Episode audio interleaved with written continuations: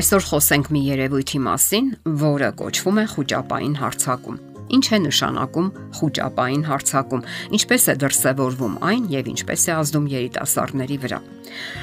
Երիտասարդը հանկարծակի ուժեղ սրտխփոց է զգում, քրտնարտադրություն, ունենում է սարսափի զգացում։ Սրանք խոճապային հարցակման կամ նոպայի դրսևորումներ են։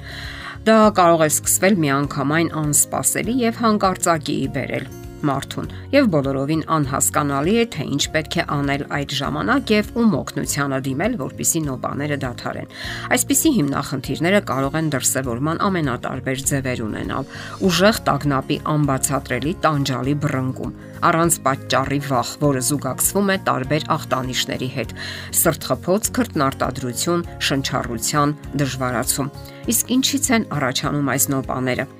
Ասենք, որ այս դեպքում խոսքը սոցիալական ցանցերից մեծապես կախված լինելու մասին է։ Գաղտնիք չէ, որ այնտեղ երանդուն գործունեություն են ծավալում հիմնականում երիտասարդները եւ թվում է նրանք ոչ մի հիմնախնդիր չպետք է ունենան։ Այսպես են մտածում շատ երիտասարդներ, ովքեր օրնիբուն խորասուզված են սոցցանցերում եւ համեմատում են իրենց կյանքը այսպես կոչված պայծառ դեմքերի շքահանդեսի եւ երևույթների հետ։ Վերջերս նշանավոր դերասան Ջոն Հիլը պատմեց, որ արդեն համարյա 20 տարի է ինչ պայքարում է խոճապային հարցակումների դեմ։ Դրանք խորանում են հրաապարակային ելույթների եւ զանգվածային լրատվամիջոցների հետ շփման ժամանակ։ Այդ պատճառով էլ դերասան եւ ռեժիսոր Ջոն Հիլը այլևս չի մասնակցի իր ֆիլմերի առաջմղմանը, ինչպես նաեւ դատելով ամեն ինչից կդադարեցնի սոցիալական ցանցերում իր ելույթները։ Եվ նրա դեպքը միակը չէ։ Հարցն այն է, որ վերջին ժամանակներում բավականաչափ նշանավոր մարդիկ իրենց կյանքում կիրառում են այսպես կոչված թվային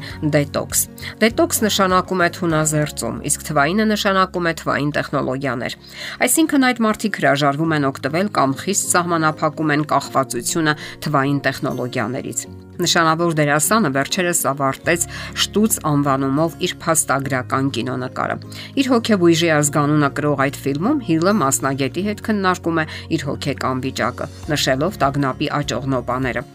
Այդ տագնապները առաջացել են լրատվամիջոցների հետ շփվելու անհրաժեշտությունից եւ իսկապես մղձավանջի վերածել իր աշխատանքները։ Համացանցային հարթակում տեղադրված իր բացնամակում նա բացատրում է, որ Շտուց ֆիլմի նպատակը լայն լսարանի հետ թեթև զվարճալի եղանակով կիսվելն է այն գործիքներով, որոնք ինքն անձամբ սովորել է բուժման շնորհիվ։ Եվ ահա ցանկանում է ներկայացնել այդ օգտակար խորհուրդները։ Ահա թե ինչ է գրում նա իր լսարանին։ Ես անհամբերությամբ եմ սպասում, որ ամբողջ աշխարհի լսարանի հետ կիսվեմ այդ ֆիլմով, այն հույսով, որ այն կօգնի բոլորին, ովքեր շարունակում են պայքարել կատարել։ Եվ այնուամենայնիվ դուք չեք տեսնի, որ ես առաջ մղեմ այս եւ իմ մյուս նախատեսվող ֆիլմերը։ Այսպիսով նա ցանկանում է մարդկանց ուշադրությունը կենտրոնացնել այդ հիմնախնդրի վրա, թվային տեխնոլոգիաների եւ ցանկանում է, որ մարդիկ ավելի շատ եւ ավելի անկեղծորեն խոսեն այդ հիմնախնդրի մասին։ Եվ դերասանի այդ որոշումը հիշեցնում է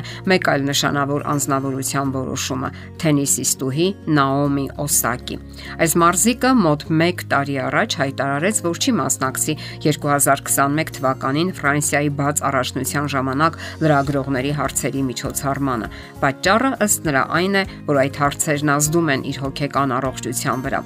Հենց վերջերս մեկ այլ նշանավոր դերասան Սարդ Մարտ երևույթի աստղ Թոմ Հոլանդը հայտարարեց, որ հրաժարվում է սոցիալական ցանցերից, որովհետև դրանք բացասաբար են ազդում իր հոգեկան առողջության վրա։ Instagram-ի իր էջում տեղադրված տեսանյութում դերասանը գրում է. «Եվ կարծում եմ, որ սոցիալական ցանցերը չափազանց գերգրգռում են եւ ճնշում, եւ քիչ է մնում խենթանամ, երբ համացանցում ինչ որ բան եմ կարդում իմ մասին, եւ վերջին հաշվով դա խիստ բացասաբար է ազդում իմ հոգեբանական հոգեկան վիճակի վրա։ Այդ պատճառով էլ ես որոշել եմ հետ քայլանել եւ հեռացնել հավելվածը։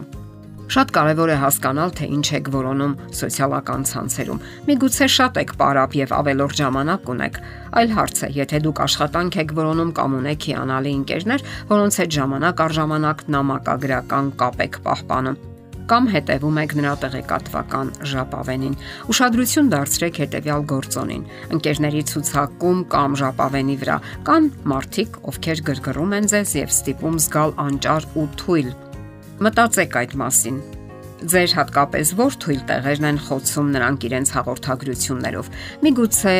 դուք անվստահություն ունեք սեփական արտաքինի, առողջության կամ աշխատանքի, երեխաների վարքագծի ու դրամական հաջողությունների հետ կապված։ Երբ դուք հասկանաք պատճառները, կվերացնեք բացասական հույզերի մուտքը ձեր հոգեկան աշխարհ։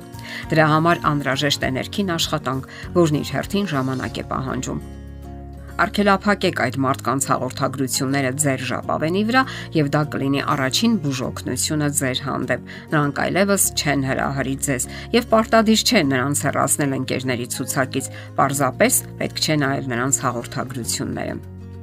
Ընդհանուր առմամբ շատ կարևոր է սահմանել նպատակներ, որոնք ստիպում են ձեզ մուտք գործել թվային տեխնոլոգիաների աշխարհ։ Առանց դրա դուք առաջ չեք շարժվի եւ միշտ կունենաք նույն հիմնախնդիրները։ Իսկ եթե անգամ նշանավորներն են որոշում հետ քայլ կատարել եւ սահմանափակել իրենց մուտքը սոցիալական հարթակ, հրաժարվելով հրճակից ու ճանաչումից, ապա դուք եւս պետք է մտածեք այդ մասին։ Մտածեք ամենակարևորը՝ ձեր հոգեկան առողջության մասին։